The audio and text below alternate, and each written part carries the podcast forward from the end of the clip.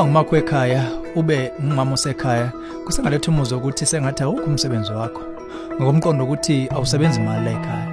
Baningi omama asebe nesithukuthezi salo muzwa beyibuza bomqoka bokuhlala kwabo ekhaya nokuthi kumqoka ngani kuba ngumama onake ikhaya kuphela.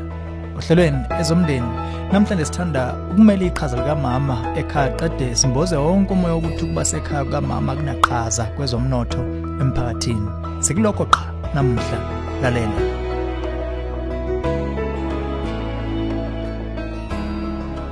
Ngiphinde ngibingelele ezomndeni uhlelo lwakho lokulethela izeluleko eziphathekayo ngaba ka focus on the family.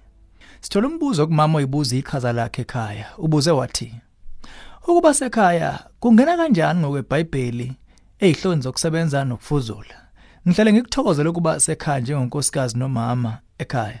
Ngabe sengizwa izinkulumo eziningi ngeqhaza lokusebenza kumkhiqizo ngwecebo likaNkuluNkulu ngoluntu. Kusuka lapho sengibe manqika ngisebenzisa isikhathi sami ngilungisa ukudla ngiswa namakhala avuzayo dado ngisulana nezikhishi ngokwami ukubona kukho into engiletha ngokomnotho. Ngakho angazi noma lokusebenza kwami kunaqhaza lini ngami emphakathini. Ngayiqhatsha kanjani emsebenzini wami kumbe ngubuke ngokwesithombe esikhulu? Futhi uma ngesingxenye ya wonke umuntu manje futhi umqondo weBhayibheli wokuphumula ngokwesabatha ungena kanjani kimi?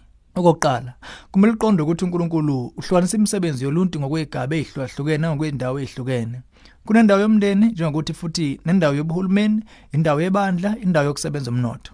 Kuliqiniso ukuthi owakhe ikhaya kanaqhaza liqonde ngqo kwezeyimali nomnotho. Kodwa lokho kakuchaza ukuthi akanaqhaza emsebenzini wobuchule kunalokho ulenza iqhaza lakhe esendaweni yasekhaya. Ngomsebenzi wakhe kule ndawo esemqoka ebalekile ube nomthelela emnothweni ngokucashile. Ukwenza kanjani ke lokhu? Ngokukhulisa izulwane seyisebenzi esisha esinamakhono esimelayo esikunikiwe responsible ngokuzikhandla. Lokhu kusolele ephuzwini lethu lesibili. Umsebenzi ocacile ngokwezomnotho kakusiwona umsebenzi kuphela onenani kulomhlaba. Ngokwesibonelo nje ake ucabange kumbe ake ucabange iqhaza lenani le creative arts. Ngokubuka kubuKristu. Ubuciko sebunesikhathi balaxazwa abazalwana abaningi. Nanxa kunjalo kodwa bumgogodla onqala ngokwefagugu lobuKristu emhlabeni wasentshonalanga. Ubuciko njengokuba nababhala abaningi nabadwebi nabaculi bazokutshela kubona kuyinto enkulu kungakhathalekile noma bazuza umnotho ophathekayo noma cha ngobuciko babo. Kubo kuyinto enenani ngoba kuyigelezela khona emzweni yabo ngokwemvelo yomfanekiso kaNkuluNkulu kumuntu ngaphakathi babacikoze njengoba sesibekele umqondo siphakamisa ukuba owakhe ekhaya njengomkhulisi weingane nomciji wendawo abangakhwela kuyo bahlabele phambili bachume nguye kanye oyiciko lamaciko eledlula wonke.